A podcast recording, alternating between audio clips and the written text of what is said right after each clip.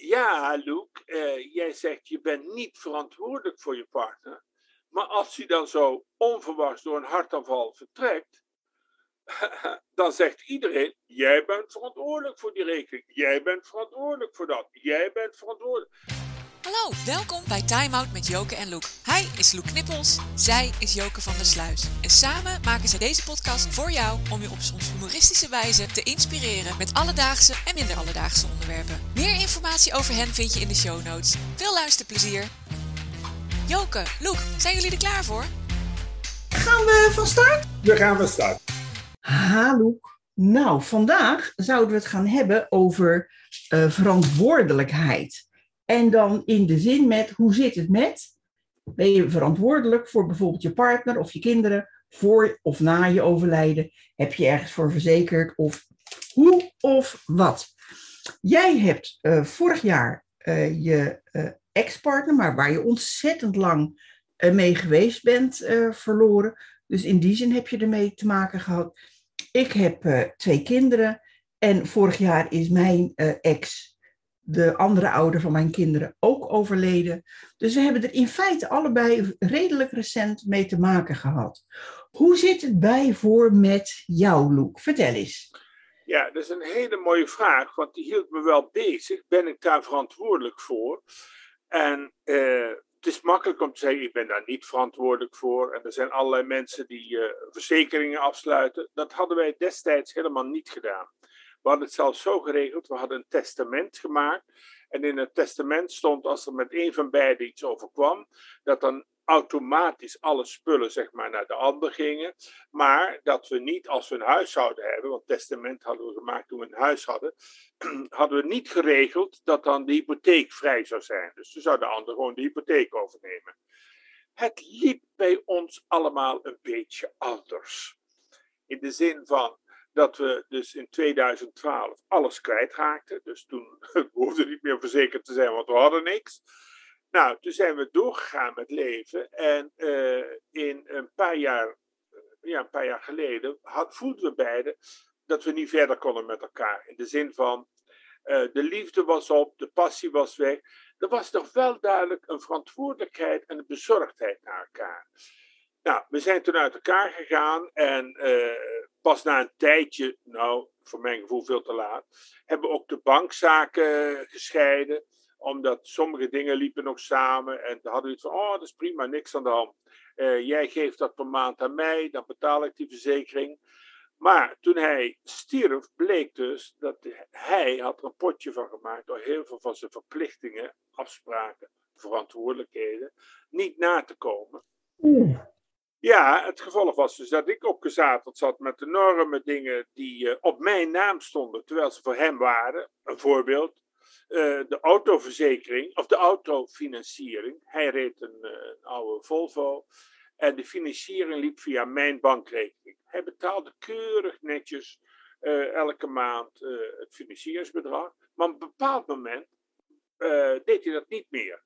Dus ik sprak hem daarover aan. Ja, ja, het komt, het komt. Nou, en uh, toen zei hij, ja, maar ik vind de auto ook veel te duur worden, ik ga hem verkopen. Ik zei, nou, fantastisch, want dan kun je meteen het hele bedrag aflossen. Hij heeft de auto verkocht, en dan komt weer opnieuw de verantwoordelijkheid. Hij zat toen in een, een heel vreemd proces, wat ik allemaal achteraf pas duidelijk heb gekregen.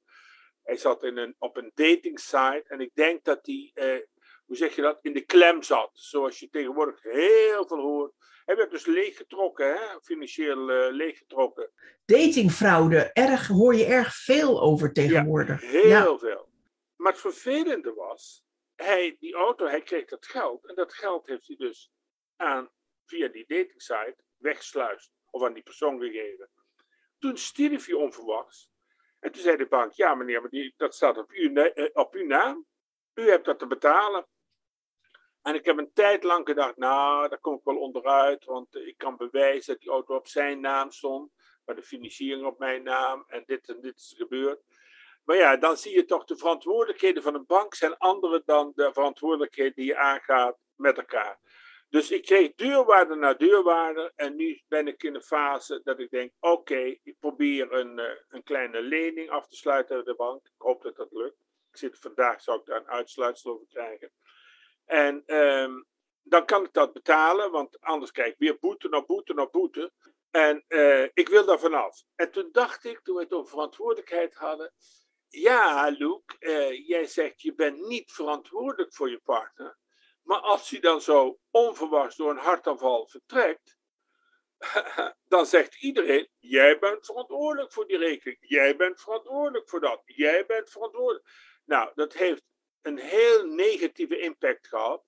Totdat een notaris tegen mij zei: Je moet gewoon naar de rechtbank gaan en vragen of je, uh, hoe noem je dat, ontlast wordt van zijn schulden.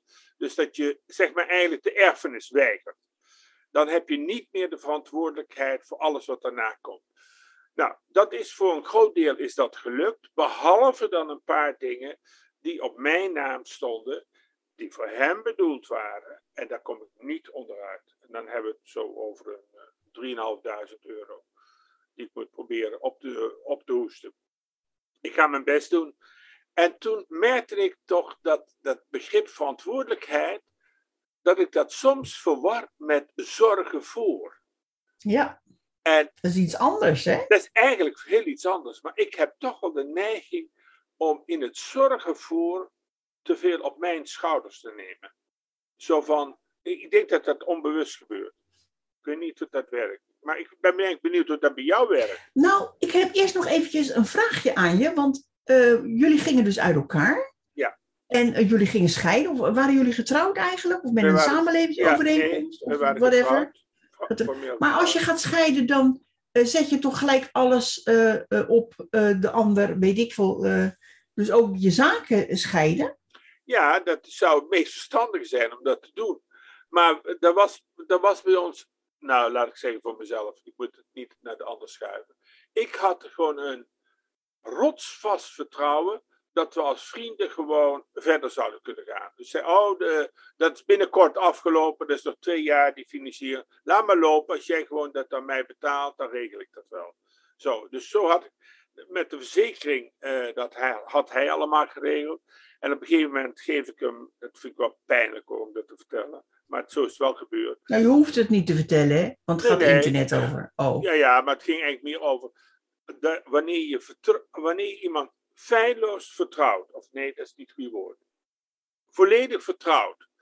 Maar die andere persoon, want ik moet toch zeggen, als je in die internetfraude zit, of die datingfraude zit, ik denk dat je dan psychisch een beetje aan het ontsporen bent.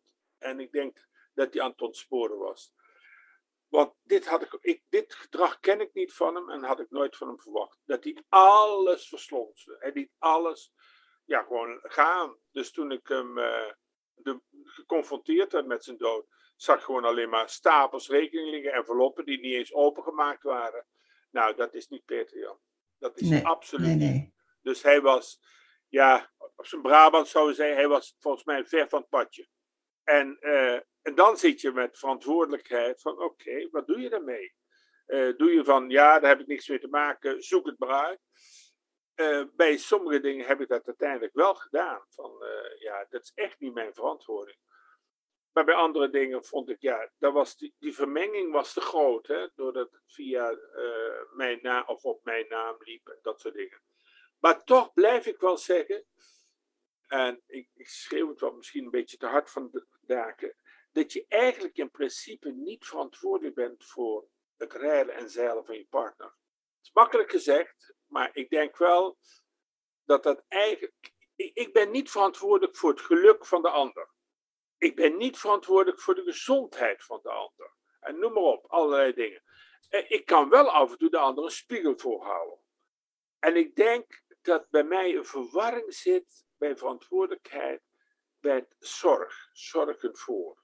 Nou ja, de, de lijn van wat je zegt is dun tussen uh, bezorgdheid, zorgen voor en verantwoordelijk. Bij verantwoordelijk krijg ik de, uh, de associatie dat je het als het ware tot je neemt. Ja. Dat je het van jou maakt. Nou, dat kan nooit voor een ander, waar het ook over gaat. Dat kan eigenlijk nooit. Um, ik weet wel dat uh, wij zijn nu, het is nu 2022, dus ik moet even nadenken. 32 jaar geleden heb ik mijn huidige partner uh, leren kennen. En ehm, toen we uh, daarna, een paar maanden daarna, uh, gingen samenwonen, zij wilde dat heel graag. Toen hebben we wel dingen afgesproken. Niet alleen voor uh, het samenwonen, leven, ja. maar ook voor als het fout zou gaan, dus als we uit elkaar zouden gaan. En als een van de twee zou overlijden. Omdat uh, toen ik haar leerde kennen, had ik een vrij grote schuld vanwege uh, mijn scheiding. Ik heb mijn ex-partner uh, uit moeten uh, kopen, omdat ik had mijn praktijk toen, ik woonde in een heel groot herenhuis. En ik had mijn praktijk op de middelste etage, de hele middelste etage van dat huis. Dus in een huurhuis mag je geen althans in die tijd, geen praktijk hebben. Maar het was wel mijn inkomen. Dus zo van ja, hoe ga ik dat doen? En mijn ex-partner had niet verwacht dat ik de hypotheek volledig op mijn naam zou krijgen, want die stond op ons beider naam. En dankzij ehm, netwerk, noem ik het maar, is het toch gelukt om een gemeentegarantie te krijgen in die tijd. Dus kon ik de hypotheek op mijn naam krijgen, kon ik dus ook in dat huis blijven. Maar toen ik mijn huidige partner leerde kennen, had ik natuurlijk nog een schuld aan haar. Heb ik van een vriend mogen lenen. Dus per maand betaalde ik hem uh, af de hele tijd. Dus dat, dat was echt, uh, nou, ik ben hem even. En iedere keer als ik wat gespaard had, dan ging er wat extra naar hem, weet je wel. Dus dat was echt uh, geweldig. Dus ik geloof dat binnen, binnen drie of vier jaar of zo was ik. Het was 40.000 gulden hè, in die tijd. Dat was een groot bedrag. Ja. Dus had ik dat afbetaald. Maar mede naar aanleiding daarvan hadden mijn huidige partner en ik wel afgesproken. Wij gaan kijken hoe we dingen gaan doen. ik werk, had twee banen op dat moment. En zij werkte natuurlijk ook 40 uur, want dat was in die tijd normaal. Nou, we hadden allebei zoiets van, gaan we niet tot ons 65ste doen.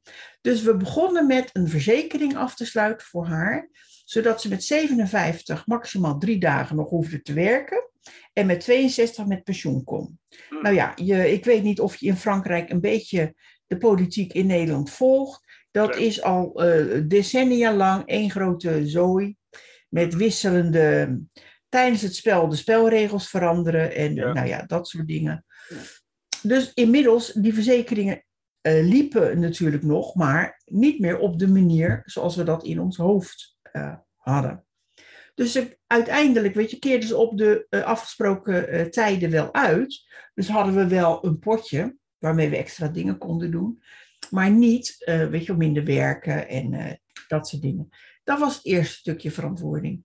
Toen gingen we ehm, oh ja, wij zijn natuurlijk ook getrouwd, hè, uiteindelijk. Juist om dingen goed te kunnen, wettelijk dan, te kunnen regelen. En dat had ook met de kinderen te maken. Want um, we hebben het zo geregeld dat onze beide kinderen netto gelijk erven. Eén kind is biologisch van mij, één kind is biologisch van mijn ex-partner. Maar voor mij, persoonlijk, zijn het gewoon mijn kind. Ik heb ook altijd gezegd, ik heb twee kinderen. Ik heb ooit eens een keer een notaris bijna over zijn bureau heen getrokken. Toen die zei van, ja, maar voor de wet is de jongste niks van u. Nou, dat moet je tegen mij niet zeggen, hè. Want ik ben een behoorlijk primitieve moeder, hoor. Dat, ik, weet nog toen, ik weet nog toen de eerste geboren werd. Die zat toen uh, onder uh, de huidsmeer nog. En ik had meconium in mijn vruchtwater. Dus had ook een beetje benauwd gehad. En ik had toen een kraamhulp die weg was van Zwitsel. Nou vind ik Zwitsel in principe best lekker ruiken. Maar de kind was net geboren en dat heeft een bepaalde geur. Dus uh, de grap, de, ik zei toen ook tegen van, ik wil niet dat je er was met Je mag best een beetje het ergste eraf halen, maar A, is huidsmeer heel goed voor haar huidje. Ja. En ze heeft een bepaalde geur en die is van ons. Heel intiem is dat. En um, wat ik ook zo grappig vond, ik ben niet iemand die heel snel uh, mijn hart geeft aan iemand. Dus uh, iedereen zei, ja, nee, je houdt gelijk van je kind. Ik denk, ja, nou, echt niet. Is toch een nieuw mens, wat komt in je leven. Ik weet niet wat voor iemand dat is. Dat, dat weet ik allemaal niet. En ik vond dat echt heel erg eng. Maar tijdens de zwangerschap ben ik eens een keer bijna van de weg geraakt om, ik zat dus heel vaak met haar te spelen in mijn buik. Weet je uh, kontje tikken en dan met de hak. Want ze zat altijd heel erg met de hakken uh, te schoppen en te duwen en weet ik het. Dus na de bevalling werd ze op mijn borst gelegd, uiteraard naakt. Ik ook, naakt. En toen dacht ik van, oh god, wat moet ik hiermee? En toen dreigde ze weg te glijden. En in een reflex, uh, ja, pak je de beet of weet ik ja. om, de, om dat glijden tegen. En ik herkende ineens die hakken en daar kon je. En vanaf dat moment was ze dus van mij. En uh, nou ja, dan ben ik een heel primitief. Dus dan moet iedereen ook met zijn poten er vanaf blijven. En eigen, ja, weet je, en nu is mijn uh, dochter dus zwanger. Heel onverwacht, maar hartstikke leuk.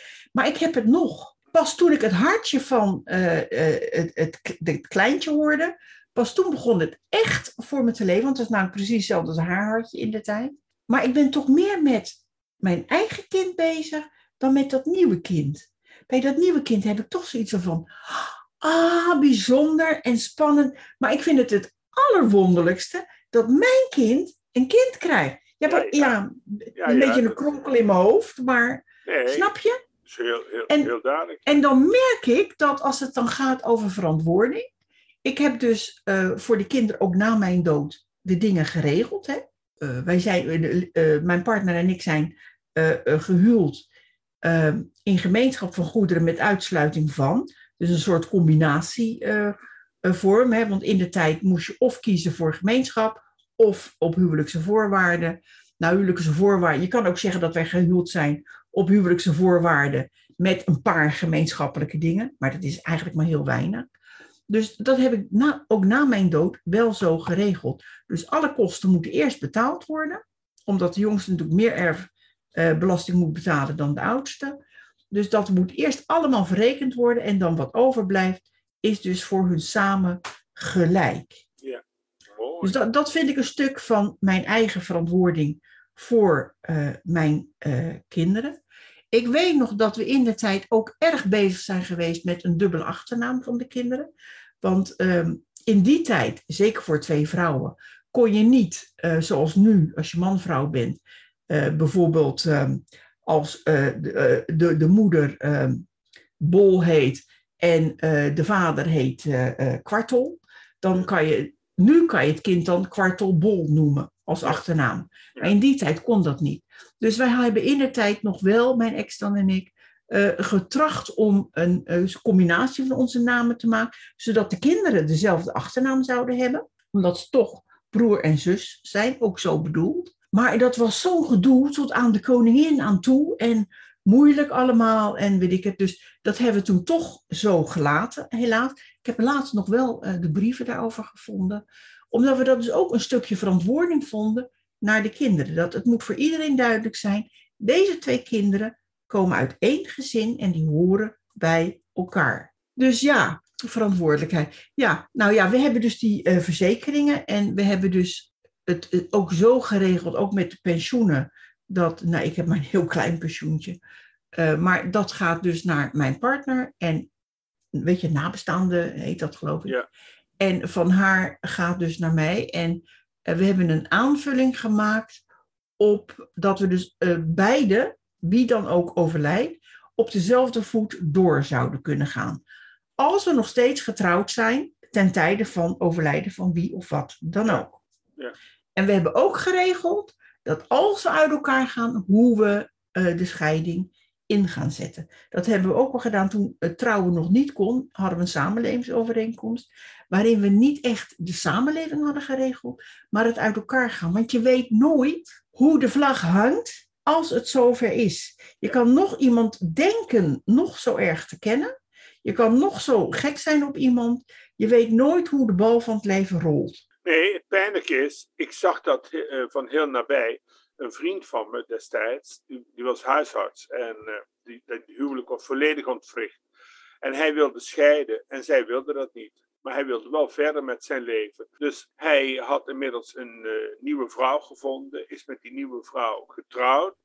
En eh, wilde, nee, ik zeg verkeerd, wilde met die nieuwe vrouw trouwen, maar oh, zij werkte aan alle kanten tegen. Uiteindelijk is het wel gelukt dat ze getrouwd zijn.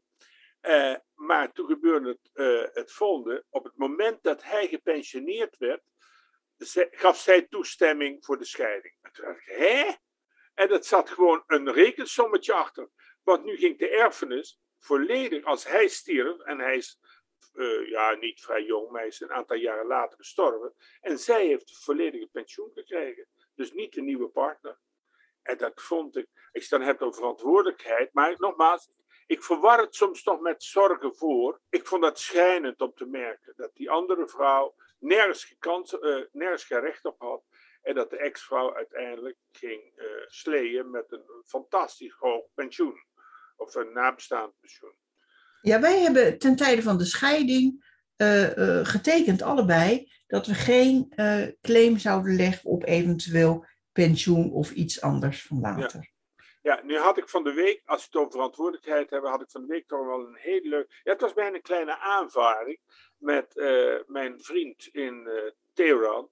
En dat gebeurt vol. We zaten te praten en ik zat eigenlijk vanuit het thema verantwoordelijkheid. Ben ik nou echt verantwoordelijk voor hem als hij bij mij, als we samen gaan wonen? Ben ik verantwoordelijk dat hij zijn studie kan oppakken hier of af kan ronden? Toen dacht ik, ja, dat ben ik niet echt. Maar tegelijkertijd was ik bezig. Het zou wel leuk zijn als het huis helemaal uh, up-to-date is. En dat hij gewoon, ook als ik er niet meer ben, dat hij door kan gaan met leven hier in Frankrijk. Waarop hij zei, we hadden een Zoom, een Zoom gesprek, een WhatsApp gesprek. En waarop hij zei zo ja, maar als jij eh, sterft, dan ga ik onmiddellijk terug. En toen keek ik hem aan, zei ga jij dan onmiddellijk terug? In een land waar je totaal niet vrij bent. En toen ineens zag ik wat gebeuren.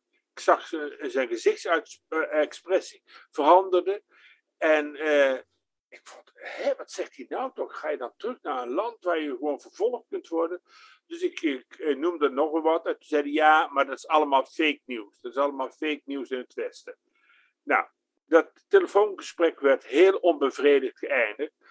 Nou, de volgende dag, ik uh, heb contact met hem en het eerste wat ik vroeg, je hoeft alleen maar ja of nee te zeggen. Het gesprek wat gisteren voor mijn gevoel ontspoorde, had het te maken dat jij je bewust was dat je afgeluisterd zou kunnen worden? En toen zei ik, ja. Nou, en toen was voor mij ineens duidelijk. En toen dacht ik oeh, hoe verantwoordelijkheid en zorg, dus nogmaals, ik haal ze weer bij door elkaar, maar hoe verantwoordelijkheid in het ene land toch echt anders weegt dan in het andere land. Dus ik zou dus van alles, zou me verantwoordelijk voelen. Dus ik voel me niet verantwoordelijk dat hij gelukkig wordt. Ik wil er wel alles aan doen dat we samen gelukkig worden. Maar ik voel me wel verantwoordelijk, dus dat er, dat er uh, dingen geregeld worden. Dus dat hij echt die studie kan doen en noem maar op, al, al dat soort zaken. Daar voel ik me wel verantwoordelijk, mede verantwoordelijk voor. Dan is dat toch hartstikke link als jullie uh, in die zin bellen, of uh, weet ik hoe je dat noemt, met elkaar. Van wat je zegt en hoe je dingen wil regelen. Als je niet live bij elkaar bent. Ja, dat is, ik denk dat dat sinds van de week ben ik me nog meer bewust uh, dat we over van alles nog wat kunnen praten, maar dat we op een aantal thema's uh, toch taboe zijn. Dat we daarmee op... Kun je beter niet doen, nee. nee.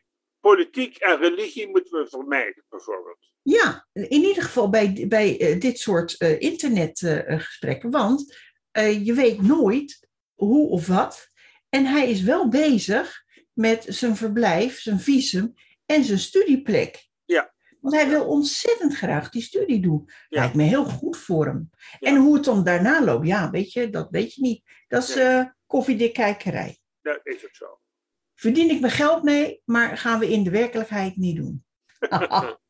Leuk. Nee, nee, nee, nee. Nee, maar inderdaad, uh, zorgen voor en de verantwoordelijkheid, dat is een hele dun, vind ik net zo'n dunne lijn als haat en liefde. Ja. Eigenlijk. Als we zo praten, dan denk ik van ja, dat is eigenlijk, zijn eigenlijk ook twee begrippen, soort yin-yang. Ja, zitten heel dicht bij elkaar. Je, want als je als moeder ben je dan verantwoordelijk voor je kinderen.